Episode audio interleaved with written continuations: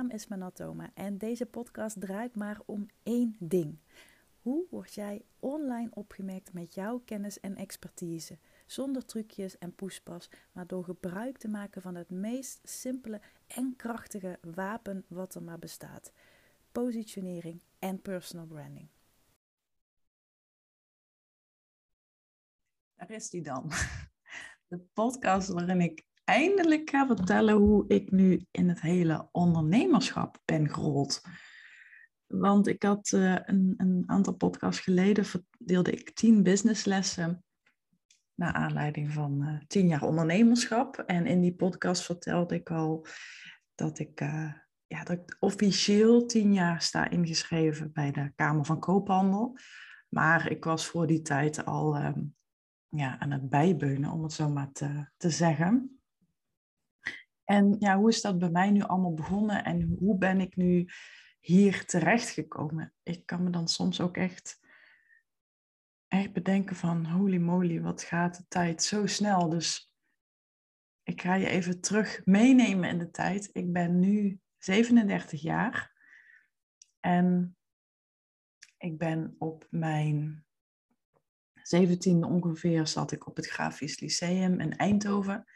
En uh, daar heb ik echt een hele leuke tijd gehad. Ik uh, heb daar natuurlijk alles geleerd op het gebied van grafisch ontwerpen, fotografie, websites, communicatie, multimedia, kunstgeschiedenis.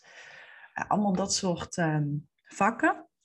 En toen ik daar in het één na laatste jaar was, dat was een stagejaar. En ik weet nog dat ik daar toen ontzettend tegenop zag dat het voor mijn gevoel echt heel serieus begon te, te worden van, oh, nu moet ik echt gaan werken. En ik, ik was heel erg door op dingen maken en creëren en bedenken. Dat was natuurlijk iets wat we daar aan de lopende band deden, concepten maken en bedenken. En ik zat dus soms ook echt tot diep in de nacht ja, dingen te maken, te, soms echt letterlijk te maken. Dus met, met verf of met kleurpotloden. Later natuurlijk alles digitaal. Uh, werktekeningen weet ik nog dat we toen moesten doen. Eigen lettertypes ontwerpen. Maar ook ideeën voor een winkel. allemaal hele, hele toffe dingen. En ik weet dat ik toen mijn stagejaar inging en echt wel een beetje onzeker werd van het feit, shit, nu wordt het wel allemaal heel serieus, nu, um, nu gaat het erom spannen. En ja, ik herinner me dat stagejaar ook echt als heel druk en, en heel veel eisend. En um, dat ik soms ook wel eens het gevoel heb van, oh, ik ben hier nog totaal niet klaar voor. Ik voel me nog zo uh, ja, jong of zo om echt hele dagen te werken. Niet dat ik vies was van werken, want ik werk echt al mijn hele leven, wil ik bijna zeggen. Volgens mij ben ik op mijn elfde begonnen met, uh, met bijbaantjes. Volgens mij zal dat nu niet eens officieel meer mogen, maar ik ben ooit begonnen met uh, kersen plukken. Ik zie mezelf echt nog staan in die boom. Helemaal rood van alle kersen, omdat je natuurlijk stiekem ook ervan zat te snoepen. maar in dat stagejaar heb ik twee stages gehad. Van elk, uh, nou ja, pak een beetje een half jaartje. Het zal in theorie wat minder zijn geweest. En het eerste uh, stageplek was ook in Eindhoven bij een heel groot gerenommeerd reclamebureau in die tijd. Ik weet niet eens of het nog wel bestaat überhaupt. Ik zou het nog eens moeten opzoeken. Maar het was echt het typische reclamebureau zoals ik me dat ook had voorgesteld. Met als je binnenkwam, had je daar de receptie en de mensen van de administratie en een keuken en, en zoiets. En dan ging je een verdieping hoger en dan kwam je volgens mij bij de, hè, bij de creatieve studio uit. Hè. Daar werden alle concepten bedacht en schetsmatig op papier gezet. En uh, nou, daar liepen echt de creatieve breinen rond. En dan ging je weer een verdieping hoger. En daar zat, als ik het me goed herinner, ehm, ja, de afdeling fotografie of zo, volgens mij ook wel. Of de, de grafisch ontwerpers. Dus die gingen dan vanuit het concept, gingen ze echt uh, al bepaalde dingen digitaliseren. Dus zo moet het eruit gaan komen te zien en dit is wat we willen. En dan zat je op de bovenste etage, dat was een zolder met allemaal grote ronde tafels waar de DTP'ers dan zaten te werken. Ja, en het verschil tussen grafisch ontwerp en DTP'er is vooral dat een creatief DTP'er, moet ik het uh, officieel zeggen, dat die het volledig druk klaarmaken, alle bestanden. Dus die gaan het ook echt dusdanig opzetten dat je er verpakkingen van kunt laten drukken, dat het als een tijdschrift de deur uit kan. Dus dan komt er ook een heel echt technisch aspect bij kijken. En er was een grote club, echt uh, veel mensen werkzaam. En uh, ik heb daar op alle, letterlijk op alle lagen van, van het reclamebureau meegewerkt. Um, ik weet bijvoorbeeld ook nog dat ze een grote klant hadden in de, in de erotiek. Dus dat waren tijdschriften waar je dan uh, erotische spullen kon bestellen en uh, nou ja, allemaal dat soort uh, spullen. En um, ja, ze hadden meerdere van dat soort klanten ook, grote klanten. En ik weet toen nog dat ik ook um, nou ja, vrouwen moest gaan photoshoppen, om het zomaar in, in vaktaal um, te zeggen. En ik, ik vond dat ontzettend gênant natuurlijk, want ik was toen een jaar of 18, denk ik echt zo'n onzekere puber. Ik was echt heel onzeker in die tijd. En um, ja, ik vond dat, ik, vond, ik vind het nu heel grappig achteraf. Maar ik zat dan ook echt achter zo'n gigantisch beeldscherm, want dat heb je gewoon nodig op zo'n op een 15-inch laptopje kun je dat soort dingen ook gewoon niet doen. En um, nou, er werd aardig gesleuteld aan die vrouwen. Die herkende je niet meer terug als, uh, als, wij ze, als wij ze hadden behandeld. En dat was ook voor het eerst dat ik zag hoe maakbaar um, die wereld is. Want dan kreeg je foto's van vrouwen, modellen binnen die, uh, ja, die in de verste verte niet meer leken op, op het eindproduct, om het zo maar even te zeggen. Die kregen gewoon een buikwandcorrectie. Uh, de cupmaat werd uiteraard uh, maal 10 uh, gedaan. Ze kregen langere haren, vollere haren. De ogen werden dichter of, of verder uit elkaar gezet. De neus werd spitser gemaakt. De huid werd geëgaliseerd, geretoucheerd noemen we dat. Putjes, pukkels, um, dat soort dingen, dat werd allemaal verfraaid. of beter gezegd, dat werd gewoon opgepoetst het wat, dat was echt voor het eerst dat ik zag hoe maakbaar uh, die wereld is. En dat, ja, nu zeg ik dat ook vaker, online is echt niets wat het lijkt. Dat iets online zo lijkt, dat zegt helemaal niets over het feit of het offline ook echt zo is. En dat zag ik toen ook al heel erg in.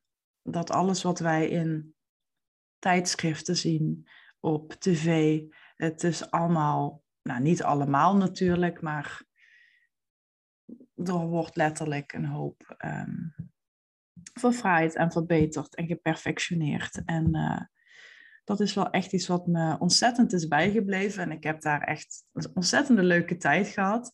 Het waren ook, uh, ja, het was natuurlijk een reclamebureau, dus een beetje sommige types à la Don Draper liepen daar natuurlijk rond. Ik weet niet of je die serie kent, maar het gaat over Mad Men, dus de reclamemannen in de jaren wat is het, 80, 70? Even niet meer scherp. Maar dat, ik vond sommige types daar wel heel erg op lijken. En uh, ik weet ook nog dat ik een keer naar een fotoshoot meeging met echt een heel team qua fotografen en grote lampen naar uh, Willeke Alberti, naar ook echt het huis van Willeke Alberti. En uh, zij was dan, stond dan ook model voor een of andere catalogus waarvan ik de naam niet meer, niet meer weet. Maar het was een soort um, ja, hoe heette die nou, die catalogen? Um, nou, het was in ieder geval waar kleding in stond en allemaal dat soort uh, producten. En die kon je dan uh, bestellen. Ik, ik, denk dat zoiets niet eens meer nu bestaat. Zo snel is natuurlijk het internet gegaan. En uh, ja, we mochten daar toen mee. En ik weet ook nog dat ik toen, volgens mij, mijn ouders een berichtje stuurde. Want WhatsApp was er toen ook nog niet van, oh, ik, uh, ik ben bij Willeke Alberti naar de wc geweest. Dat vond ik toen heel grappig. En uh, ja, ik heb daar gewoon een ontzettende toffe tijd gehad, heel veel geleerd. En ehm, ook echt op verschillende lagen van, van zo'n bedrijf mogen meekijken. Maar ik, ik, ik was niet dat ik dacht achteraf van, oh wauw, ik ga hier echt heel erg van aan of zo. Dus er ontstond wel een, een beetje twijfel van, oh, is dit het nu? Ik vond het vooral ook heel zwaar om echt van half negen tot uh, half zes waren de dagen daar om uh, ja, achter de computer te zitten. En ik was natuurlijk de stagiair, dus ik moest soms ook de broodjes halen en met een auto iets afhalen bij, bij een drukkerij of zo. Maar ik vond dat wel, poeh, ik vond dat echt wel heftig. En dat reclamebureau was in Eindhoven. En ik woonde in, uh, in Wessem, dat is een heel klein dorpje ja, in de buurt van Roermond. Ik weet natuurlijk niet of jou dat wat zegt, maar Roermond ligt een half uur onder Eindhoven, dan, uh, dan weet je het ongeveer. Dus ik moest eerst met de bus ongeveer een half uur of drie kwartier, afhankelijk van welke route die nam, naar het station in Roermond. En daar stapte ik dan op de trein. En dat was nog een half uur. En dan vanaf het station in Eindhoven liep ik nog ongeveer een kwartier naar het reclamebureau. Dus het waren echt wel, als ik me dat nu zo terugbedenk, hele lange dagen. En er kwam dus nog een tweede stage en die vond ik echt, echt vreselijk. Het was ook echt een, um, het was wel dichter bij huis. Het was in, uh, in Weert. Dat ligt tussen Roermond en Eindhoven in, dus dat scheelde echt letterlijk de helft qua reistijd. En dat was een uitgeverij, dus het was weer een heel andere tak van sport. Um, ik vond het echt, ja, gewoon echt oerzaai. Ik kreeg amper begeleiding. Uh, ik moest alleen maar ja, hele kleine mini-klusjes mocht ik doen. Um, ze maakten ook echt hele, ja, hele saaie dingen. Het waren echt vaktijdschriften voor ja, bedrijven in de metaalindustrie en ja, mijn creativiteit doofde daar uh, behoorlijk. En um, de, de bazin, zal ik zeggen, dus de directrice. Ik was ook echt een beetje bang voor haar. Het was, um, ik kan me nog zo goed herinneren hoe ze eruit zag. Het was echt een, uh, echt een zakenvrouw. Waar natuurlijk niks mis mee is als je er zo uitziet, maar het is gewoon niet ja, niet hoe ik er dagdagelijks bij loop. Ik zit nu ook gewoon in mijn, uh, in mijn zelfgemaakte joggingbroek met, um, met de tekst Positive Pants daarop geborduurd. Die heb ik laten maken voor mijn kledinglabel uh, Six Style. Daar ga ik ook nog wel eens een podcast over opnemen. En um, ja, ze had ook kort geknipt zwart haar. Echt zo'n strakke boblijn. Felrode lipstick. Volgens mij reed ze ook echt zo'n... Uh, patselbak, hoge hakken. En ze was ook gewoon. Ja, het was niet de meest sympathieke persoon. Dus ik had daar, ik had daar wel een beetje angst voor, echt letterlijk. En um, ik, ik, ik denk ook dat ik daarin helemaal totaal niet mijn, zelf mijn beste kant heb laten zien. Uh, ik denk ook dat dat dan natuurlijk heel erg tot uiting komt of je ergens op je best bent. Uh, en dat geldt voor jou in je bedrijf misschien ook, dat je heel erg niet op waarde kan worden ingeschat als je werkt met de zaakjes de verkeerde klanten. En datzelfde heb je natuurlijk op een werkvloer ook, dat je bij mensen zit die niet per se jouw bloedgroep zijn. En daar is op zich niks mis mee als die mensen, en jij dus ook, maar wel wederzijdse interesse in elkaar kunnen hebben en daar respect ook voor hebben. En, um, en ik denk nu ook van, ja, weet je, jullie willen een stagiaire. Um, het is niet zozeer dat het even een goedkoop krachtje is om uh, nou ja, iedere dag je boodschapjes te halen. En uh, nou goed, ik heb daar dus ook echt ja, gewoon niks geleerd. Daar kan ik ook gewoon eerlijk over zijn. En uh, ik vond het echt, echt, ik telde die dagen daar echt weg ik weet nog zo goed dat ik soms op de klok zat te kijken en dat je die wijzer, die hoorde je dan ook altijd tikken. En dan was het half elf. En dan had ik het gevoel dat het al half drie was. En dat was echt het moment dat bij mij het zaadje, denk ik, een beetje aan het ontkiemen was van, ik wil mijn eigen winkeltje. Ik wil mijn eigen toko. Ik wil mijn eigen bedrijf. En dan ga ik het helemaal anders doen. Dan ga ik het gewoon doen. Dan kan ik gewoon doen en laten waar ik zin in heb. Ik weet ook nog dat ik bewust de middagpauze uitstelde. En dat bewust later op de middag um, inruilde, zeg maar. Want dan, dan ging dat laatste deel ging opeens heel snel. Ik weet ook niet zo goed waarom ik dat deed, maar het was een gevoelskwestie. Dus ik, ik, ik was echt zo blij dat ik daar weg was. En um, ja, het, het, was gewoon echt. Um, nee, het was gewoon totaal niet mijn ding. Ik heb toen wel volgens mij een voldoende gekregen voor mijn stage. Maar ja, ik, ik zal ook eerlijk zijn, ik heb daar denk ik toen ook niet um, gewoon mijn beste beentje voor gezet. Ik denk dat ik zelf ook op een gegeven moment een beetje uitdoofde en uh, het allemaal wel, uh, wel goed vond. Dus het is nooit natuurlijk één iemand zijn schuld. Maar goed, dat doet er ook verder niet toe. dat, dat jaar was voorbij en toen uh, ging het laatste jaar in. En dat was een, um, ja, een eindexamenjaar. Dus we gingen, werden toen in teams ingedeeld, waarbij een, um, de opzet van een reclamebureau eigenlijk werd nagebootst. Dus je had iemand van de fotografie en je had iemand van DTP en je had iemand van grafisch design. En en zo ging je dan zelf een, uh, een project maken. Ik weet nog dat een van de concepten die we moesten maken, dat dat een nieuwe uitgave moest zijn van een bestaand uh, spel. En ik weet dat wij toen ganzenbord kozen. En ganzenbord is natuurlijk um, op een bord, een bordspel. Maar wij werden dan wel gevraagd van hoe kun je dit op een andere manier doen op een meer innovatieve manier doen. En zo kwamen we uit op um, een, een bewegelijk. En daarvoor hadden we losse ehm, elementen gemaakt. En volgens mij hadden we die ook gemaakt met, um, weet je wel, waar je mousepads ook van hebt. Waar je, als je met een muis werkt op je computer. Ik werk niet met een, met een muis, maar met een uh, pen. Maar als je een muis hebt, dan ligt dat vaak op zo'n matje. Nou, dat spul, daar maakten we allemaal losse tegeltjes van. En dat was dus ook het hele leuke van het spel, dat je bij wijze van spreken je kinderen dat in een restaurant zou kunnen laten doen. En dat ze dan tussen de stoelen door het spel konden leggen. En uh, nou ja, dat leerde je heel erg om ja, out of your comfort zone te denken.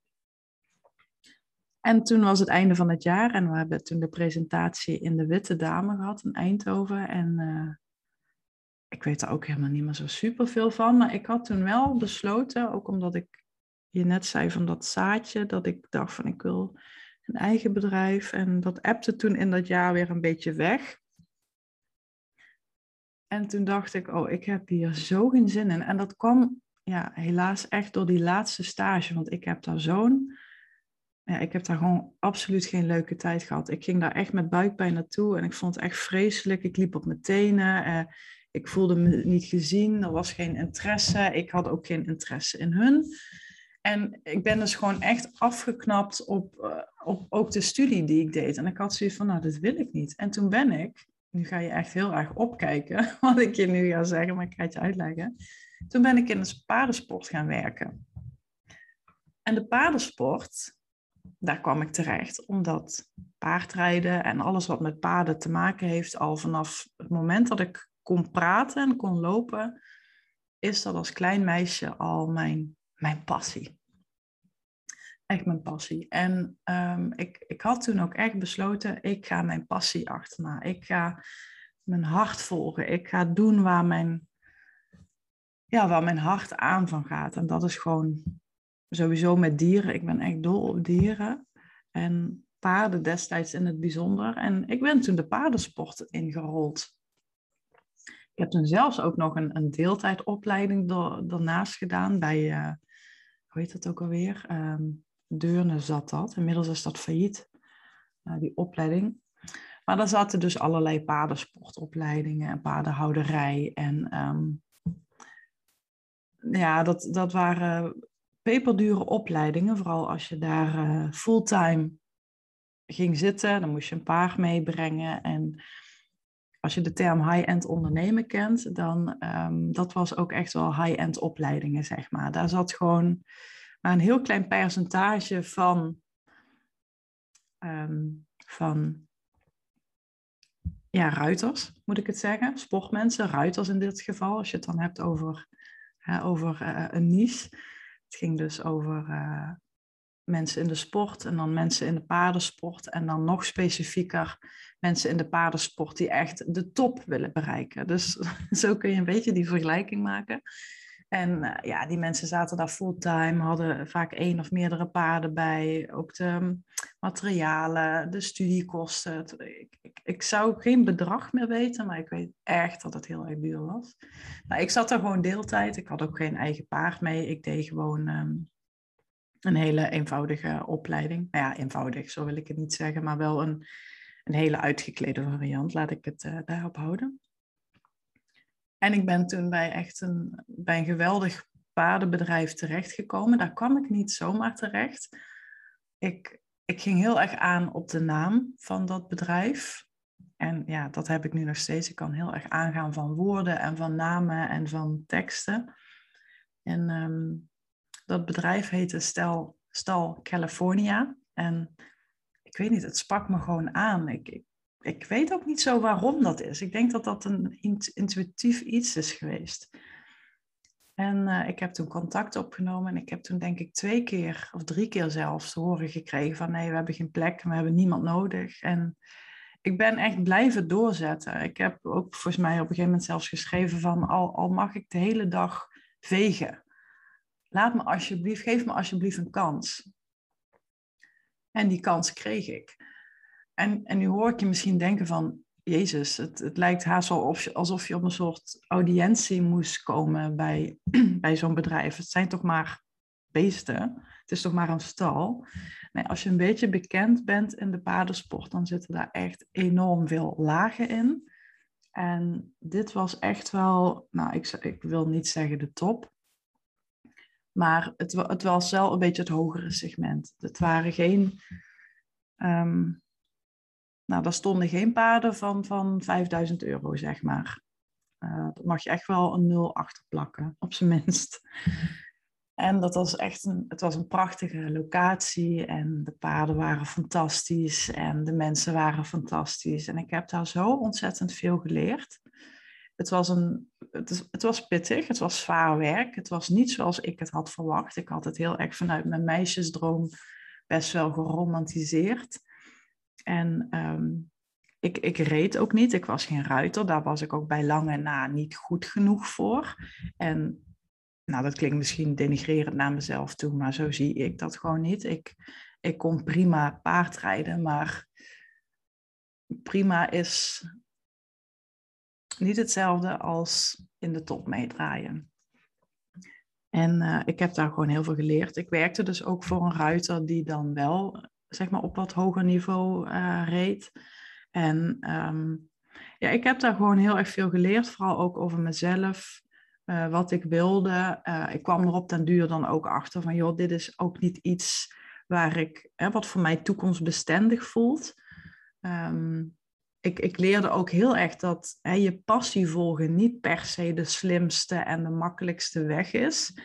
Um, hè, want ik, ik, ik heb daar ook al vaker over geschreven. Je passie volgen is iets heel anders dan iets doen met passie. Kijk, je passie volgen, dat, ja, dat kan ook echt verkeerd aflopen. Dat, dat, dat kan ook echt gewoon een weg naar beneden zijn. Maar iets doen met passie, dat gaat veel meer over de emotie. Dus wat ik heel erg heb geleerd is, ik moet me echt gaan focussen op dat waar mijn potentie zit. En dat was niet het paardrijden zelf, maar echt gaan focussen op waar ligt mijn potentie. Wat wil ik? Wat is mijn plan? En voel ik daar passie bij? En toen ben ik bij een ander bedrijf terechtgekomen, toevallig ook in de paardensport. Alleen dat bedrijf was een soort, ja, soort reclamebureautje, zeg maar. En uh, zij maakten websites en, en deden ook um, vacatures invullen voor paardensportbedrijven, dressuurstallen, springstallen, uh, fokstations, fokkerijen, nou ja, noem het maar uh, allemaal op.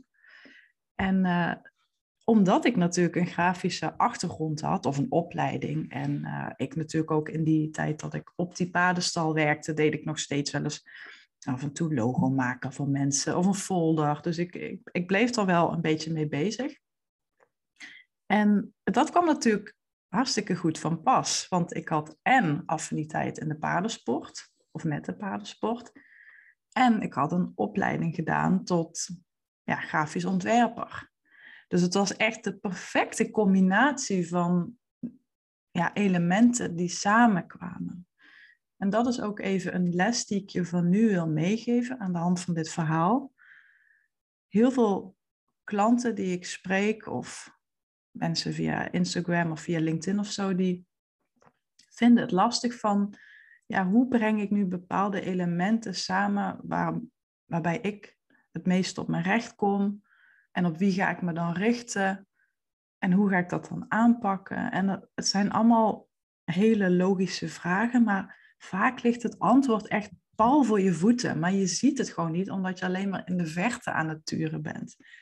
Dus ga eens na bij jezelf van wat zie je nu misschien over het hoofd? Wat is voor jou nu misschien zo vanzelfsprekend dat het juist heel aansprekend kan werken voor een klant bijvoorbeeld, of voor iemand die je gewoon wilt helpen, wie het dan ook maar is. Dus bij mij kwam zo een, een passie, maar ook een potentieel heel mooi samen. Ik heb daar eh, echt heel wat, uh, wat jaren gewerkt in dat uh, bedrijf. Maar ik was het op een gegeven moment ja, echt ontgroeid. Er, er zat gewoon meer in mij. En ik had het idee dat dat daar niet helemaal eruit kwam. En dat is ook niet erg. Op een gegeven moment denk ik dat je gewoon ook ergens uitgroeit. En ehm, ik heb dat tenminste. Ik, ik, ik ben best wel. is ook vanuit mijn archetype. Als je me al eerder hebt horen praten over die fascinate archetypes, dan uh, weet je waar ik het over heb. Maar mijn archetype, mijn personal brand archetype, is ook een type wat snel verveeld is. Ik hou er niet van als ik iedere dag hetzelfde moet doen. Ik hou er niet van als ik iedere dag van 9 tot 5 op een kantoor moet zitten. Ik ben wat dat betreft een, um, een flipperkast. Ik ga alle kanten op. Ik noem het ook wel eens popcorn effect. Mijn brein gaat gewoon knettert alle kanten op. En uh, dat kan enorm waardevol zijn hè, voor bijvoorbeeld zo'n bedrijf. Ik had altijd wel toffe ideeën die uitgevoerd werden en concepten. En hè, dat, ik, kon dat daar heel erg natuurlijk laten stromen. Maar op een gegeven moment had ik wel zoiets van: oké, ik ken dit nu wel. Weet je, ik raakte een beetje, ik raakte een beetje verveeld en ik, was gewoon toe aan iets nieuws. En ik was ook nog super jong. Ik was toen um, ja, ik denk dat ik toen tegen de 25, 26 of zo ging. Zoiets. Ja, dat was vlak voordat ik mijn vriend Rick leerde kennen. En in die tijd moet ik zeggen dat ook dat, dat hele haakje weer, of dat hele zaadje moet ik zeggen, dat begon echt nog meer te ontkiemen. Ik, ik, ik, ik was steeds meer bezig met ja, ook opdrachten voor mezelf doen. Uh, want in, in de tijd dat ik in de paardensport ging werken, letterlijk in, in, in de stallen stond. Toen kreeg ik natuurlijk van links en rechts familie en, en mensen die vroegen voor, hey, kun je mij een folder maken en ehm, een website of een logo en dat soort dingen. Dus ik ben dat blijven doen. Dat werd ook steeds meer in, in, in de loop der jaren. En dat was op een gegeven moment, liep dat zo uit de klauwen dat ik daar onderhand een tweede salaris um, mee verdiende. Nou, ik heb, ik heb nooit heel erg veel in mijn vorige banen, echt nooit veel verdiend. Um, het, het, punt was ook op een gegeven moment, en dat is ook wel een hele interessante voor jou om te weten, is dat ik, uh, ik werkte bij dat reclamebureau in de paardensport, om het zo maar te zeggen. En uh, ik had het daar ontzettend leuk. Maar op een gegeven moment kwam ik wel bij ik weet niet meer zo goed waar dat was. Maar ik raakte toen met een aantal andere ontwerpers, zeg maar, in gesprek, grafisch ontwerpers. En ik weet niet meer hoe het ter sprake kom, kwam, want in Nederland zijn we daar natuurlijk nooit zo uh, um, open over. Maar toen hadden we het op een gegeven moment over salaris. En ik weet niet meer precies wat het verschil was, maar het was wel dusdanig dat ik gewoon echt buikpijn kreeg. Dat ik echt dacht van, wat de fuck? en nou, ik, ik, was gewoon, ik was gewoon flabbergasted. En dat was ook een moment dat ik dacht van, volgens mij was het echt drie keer zoveel bijna. Ja, het was echt extreem het verschil. Dat ik echt dacht van, holy crap, wat, wat ben ik aan het doen? Dus dat was ook echt een, een, een realisatiemomentje. En ik moet je in alle eerlijkheid zeggen dat ik dit soort momenten ook in mijn ondernemerschap heb gehad. Ik heb het, nou, ik denk een half jaar geleden nog een keer met, ja, ook met een klant gehad dat ik, ehm, dat ik hoorde wat zij voor een uh, business coach had betaald. En ehm, dat ze eigenlijk zei van, nou, ik krijg bij jou veel meer voor minder geld. En dat was echt een verschil. Uh, volgens mij, maar volgens mij zat het vijf keer zoveel of zo. Ik weet niet meer precies. Doet er ook niet zoveel. Doet er ook niet toe. Maar dat was, dat was wel ook zo'n realisatiemoment dat ik dacht van, weet je, er zijn altijd mensen die gewoon veel meer geld vragen en het ook krijgen. Maar ik was ook in die tijd, ik was altijd super loyaal. Ik, ehm, ik heb wel eens een keer om salarisverhoging gevraagd, tuurlijk. Maar dan zat ik van tevoren echt op de play hoor. Dan had ik echt buikpijn. Want ik wilde gewoon niet dat iemand boos op me werd. of dat ze zich aangevallen voelde. Of ik, ik ben altijd heel erg van, weet je wel, de lieve vrede bewaren. Maar ja, de lieve vrede bewaren, als je dat wil, ook nu in je ondernemerschap of in je, in je boodschap of gewoon in je positionering, als je, je, als je de lieve vrede wilt bewaren, dan, dan zul je nooit gaan uitblinken. Dan zul je nooit die bedragen krijgen die je misschien wel ambieert of waar je misschien wel van droomt. Ga je ook nooit dat type klanten aantrekken die daar juist heel erg op aangaan. Mensen die een heel duidelijke mening over iets hebben of een hele duidelijke visie over iets hebben, moet ik eigenlijk zeggen. Want een mening hebben is natuurlijk, ja, dat, is hartstikke leuk en aardig. Uh, maar vooral, wat betekent dat dan voor mij? Wat kan ik daar dan mee? Dus dat zijn echt, echt mega eye-openers voor mij geweest toen in die tijd. En dat is natuurlijk ook iets wat, wat je nu als ondernemer ook nog wel eens ervaart. En ik ben toen eigenlijk langzaam, denk ik, een beetje daar uh, afstand gaan nemen. Ik ben toen ook, uh, ik kwam toen terecht via via bij een, ook weer iets heel anders, bij een ICT-bedrijf.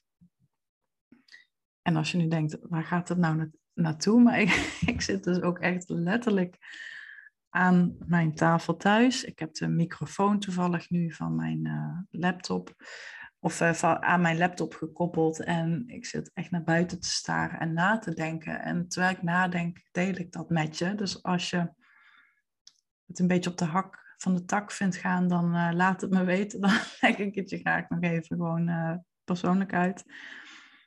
Maar ik, um, ik kwam dus terecht bij een ICT-bedrijf. Dus ik heb afgenomen van het reclamebureau in de paardensport. Dat deed ik ook echt wel met pijn in mijn hart. Want ik, ik heb het daar uiteraard fijn gehad, maar ik voelde wel van oké, dit, dit is het gewoon. Ik, ik, ik wil wat anders, ik wil wat nieuws. Ik, ik, moet gewoon, ik moet gewoon mijn weg gaan volgen.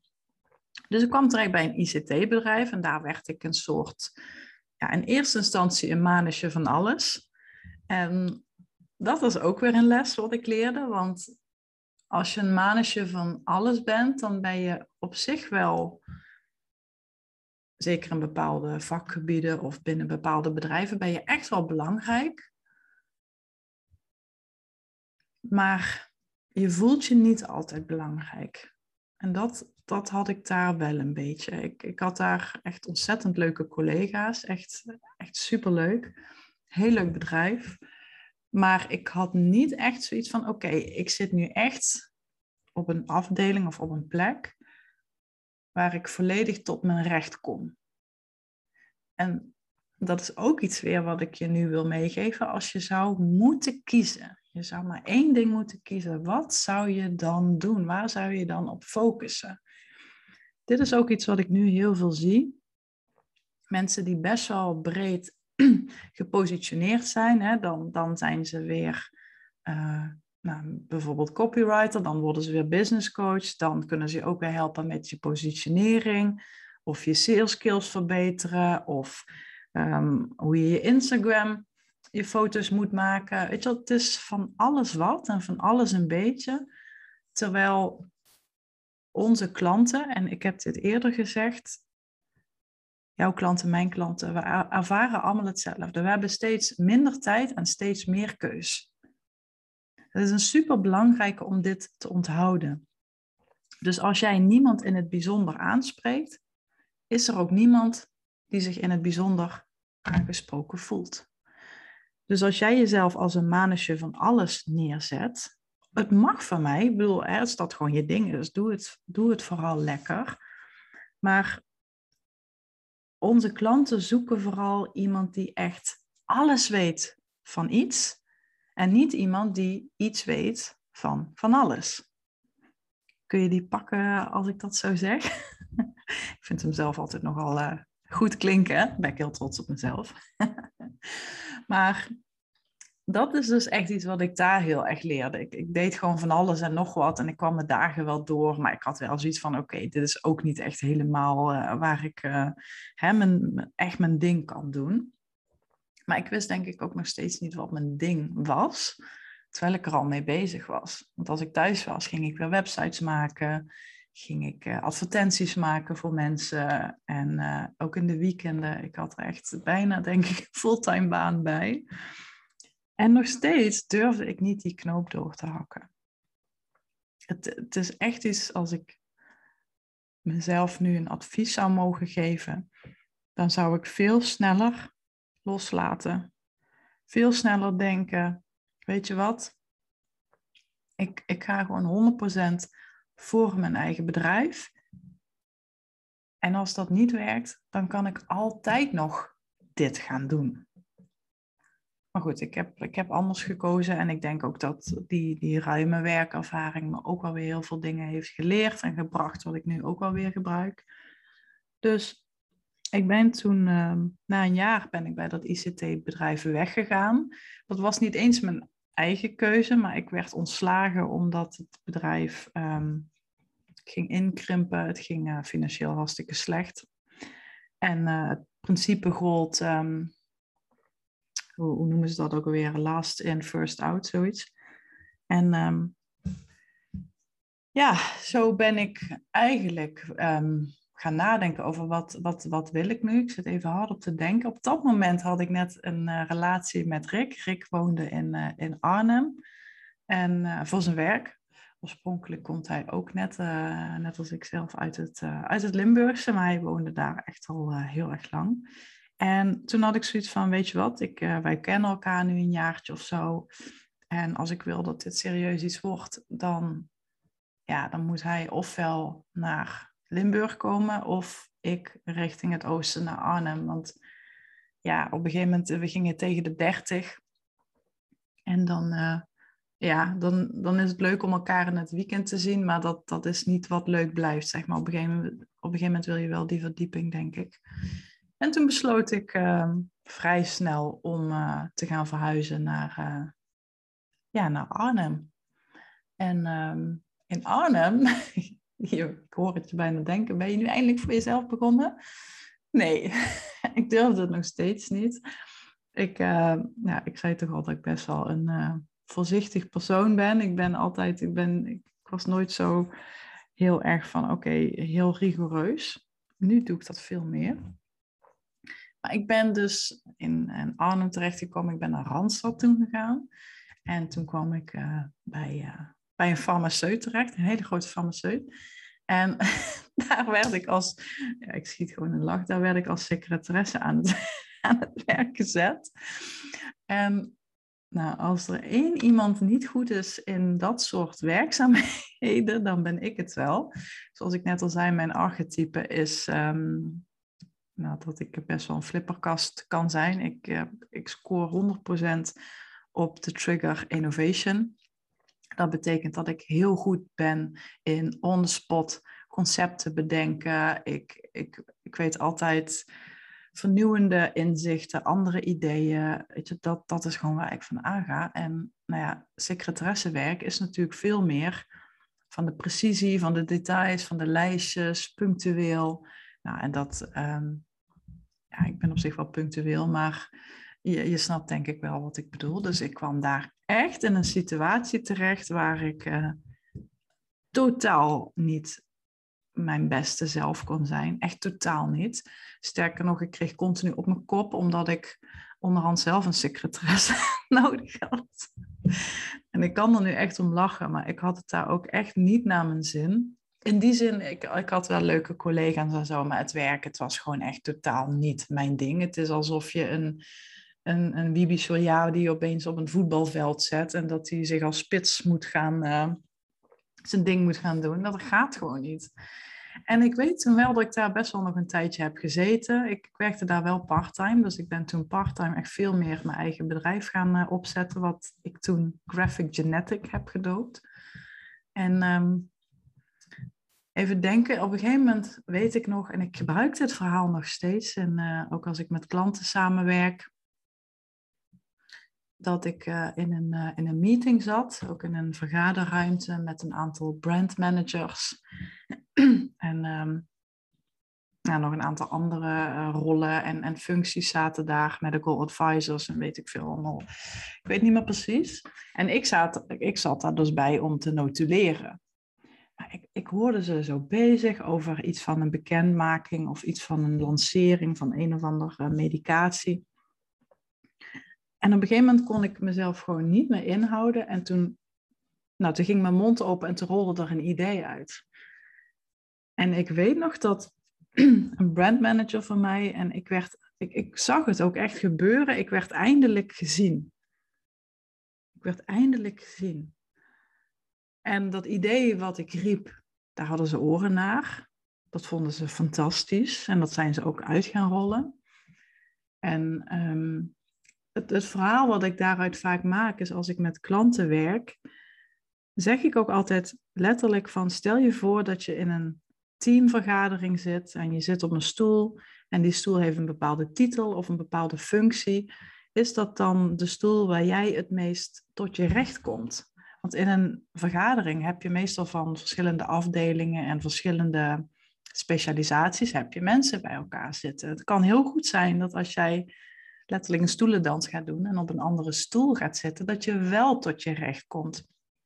Want als team doe je natuurlijk samen iets bereiken. Dus het is heel belangrijk dat je op de juiste stoel zit.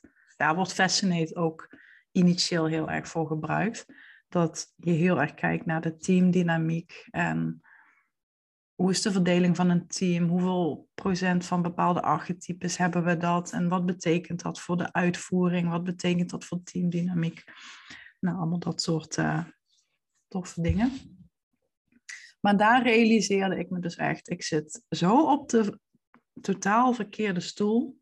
Nu noemen ze dat ja, je zone of genius. Maar het was wel, ik zat totaal niet in mijn zone of genius. Ik zat echt in een ik, ik noem dat altijd drijfzand. En ik wil juist dat je in je drijfveer gaat zitten. Dat waar jij aangaat, waar je energie van krijgt, waarvan je denkt van, shit, is de dag nu al voorbij? Als je dat gevoel hebt, dan, dan zit je in je drijfveer. En als je dat gevoel niet hebt, dan zit je in drijfzand. Dat trekt je gewoon leeg. Ik wil niet zeggen dat je dat niet kunt, hè? want ik, ik kan wel degelijk notuleren en dat soort dingen. Maar ik, ik ga er niet van aan.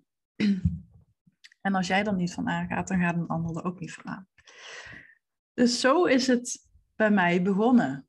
Zo ben ik begonnen uh, met alles los te laten. Te denken van oké, weet je, ik, ik ben nu echt iets aan het doen waar ik totaal niet van aanga. Ik krijg aanvragen bij de, bij de, bij de vloot, zeg maar, voor websites en huisstijlen en echt dat hele grafische. Ik heb toen de keuze gemaakt om daar bij die farmaceut te kiezen voor 100% mijn eigen bedrijf. En uh, dat is denk ik nu al, uh, ik moet even goed denken, ik denk dat dat um, ja, nu zo'n negen jaar is dan ongeveer. Ik vind het lastig om precies de tijd te zeggen, maar dat doet er ook niet toe. Maar zo is het bij mij begonnen. Zo kwam ik volledig los te staan, werd ik 100% zelfstandig, 100% verantwoordelijk voor hè, mijn eigen inkomsten, hoe ik dat vanuit mijn eigen onderneming ben gaan doen. En daar kwamen natuurlijk ook weer heel veel valkuilen en obstakels en zaken die ik heb overwonnen. Want vanuit het grafische ben ik natuurlijk ook weer nu in een totaal andere rol gerold, letterlijk. En dat heeft natuurlijk ook een, daar zit natuurlijk ook een hele gedachtegang achter. Er zit een heel proces achter. Maar dat ga ik voor nu even parkeren, want anders wordt het wel echt een heel erg lang verhaal. Ga ik echt bewaren voor een uh, andere podcast, hoe ik ben gekomen tot, tot dat wat ik nu doe, wat me daartoe heeft gedreven, wat me daartoe heeft geleid. Dus die hou je van me te goed. Maar voor nu wil ik het hierbij laten. Het verhaal hoe het bij mij begon, Ehm, waar ik voor heb gekozen, welke, ja, welke ervaringen ik heb opgedaan, welke lessen ik daaruit heb geleerd. Uh, onder andere bijvoorbeeld dat het niet altijd slim is om je passie te volgen, maar dat het beter is iets te kiezen waar echt je potentieel ligt, als je dat maar wel met passie kunt doen. Dat het ook heel goed is om je kopje erbij te houden en te denken van er zijn altijd mensen die het tienvoudige vragen van dat wat jij doet. Zelfs als dat betekent dat ze misschien niet eens zo goed zijn als dat jij bent. Dat, dat kan ook echt heel vaak zo zijn. En durf daar dus ook voor te gaan staan voor ja, letterlijk jouw waarde, maar ook gewoon hoe je die waarde uitdrukt in geld. Daar hoef je je niet voor te schamen. Geld is niet vies. Je kunt er hele mooie dingen van doen. En durf daar ook echt voor te gaan, want je bent het gewoon, je bent het gewoon waard. En ja, derde takeaway die ik je dan ook wel zou willen meegeven is, ja, ga gewoon uitproberen en blijf ook opletten, want vaak liggen hele voor, voor de hand liggende dingen, die liggen gewoon voor je neus. En dan kun je heel erg lang bezig zijn met dingen uit te zoeken en uit te dokteren, maar vaak ligt het letterlijk op je deurmat. Maar je moet alleen even omlaag kijken. Nou, hierbij wil ik uh, afsluiten. Ik, ik hoop dat, dat je deze podcast uh, leuk vond. Het is even een andere misschien dan anders. Laat me ook weten of je hier iets aan hebt gehad. Of het je een bepaald aha-moment heeft opgeleverd. En mocht je nu vragen hebben of ideeën of met dingen zitten waarvan je denkt van... hé, hey, kun je hier niet eens een keer een podcast over opnemen? Stuur me dan gerust een berichtje via Instagram of via mijn website. Je vindt me vast wel. En uh, wie weet ga ik daar dan uh, een podcast over opnemen. En mocht je het nu interessant vinden om, uh, ja, om meer te horen over dat wat ik nu doe, um, kijk dan ook eens op mijn website. Ik heb allerlei artikelen daarop staan die je kunt lezen. Um, of voeg me even toe op LinkedIn, daar ben ik de laatste tijd iets actiever. En uh, nou, wie weet spreken we elkaar daar. En ik zou je voor nu gewoon een hele mooie, opmerkelijke dag weer willen wensen. En ik spreek je graag een volgende keer.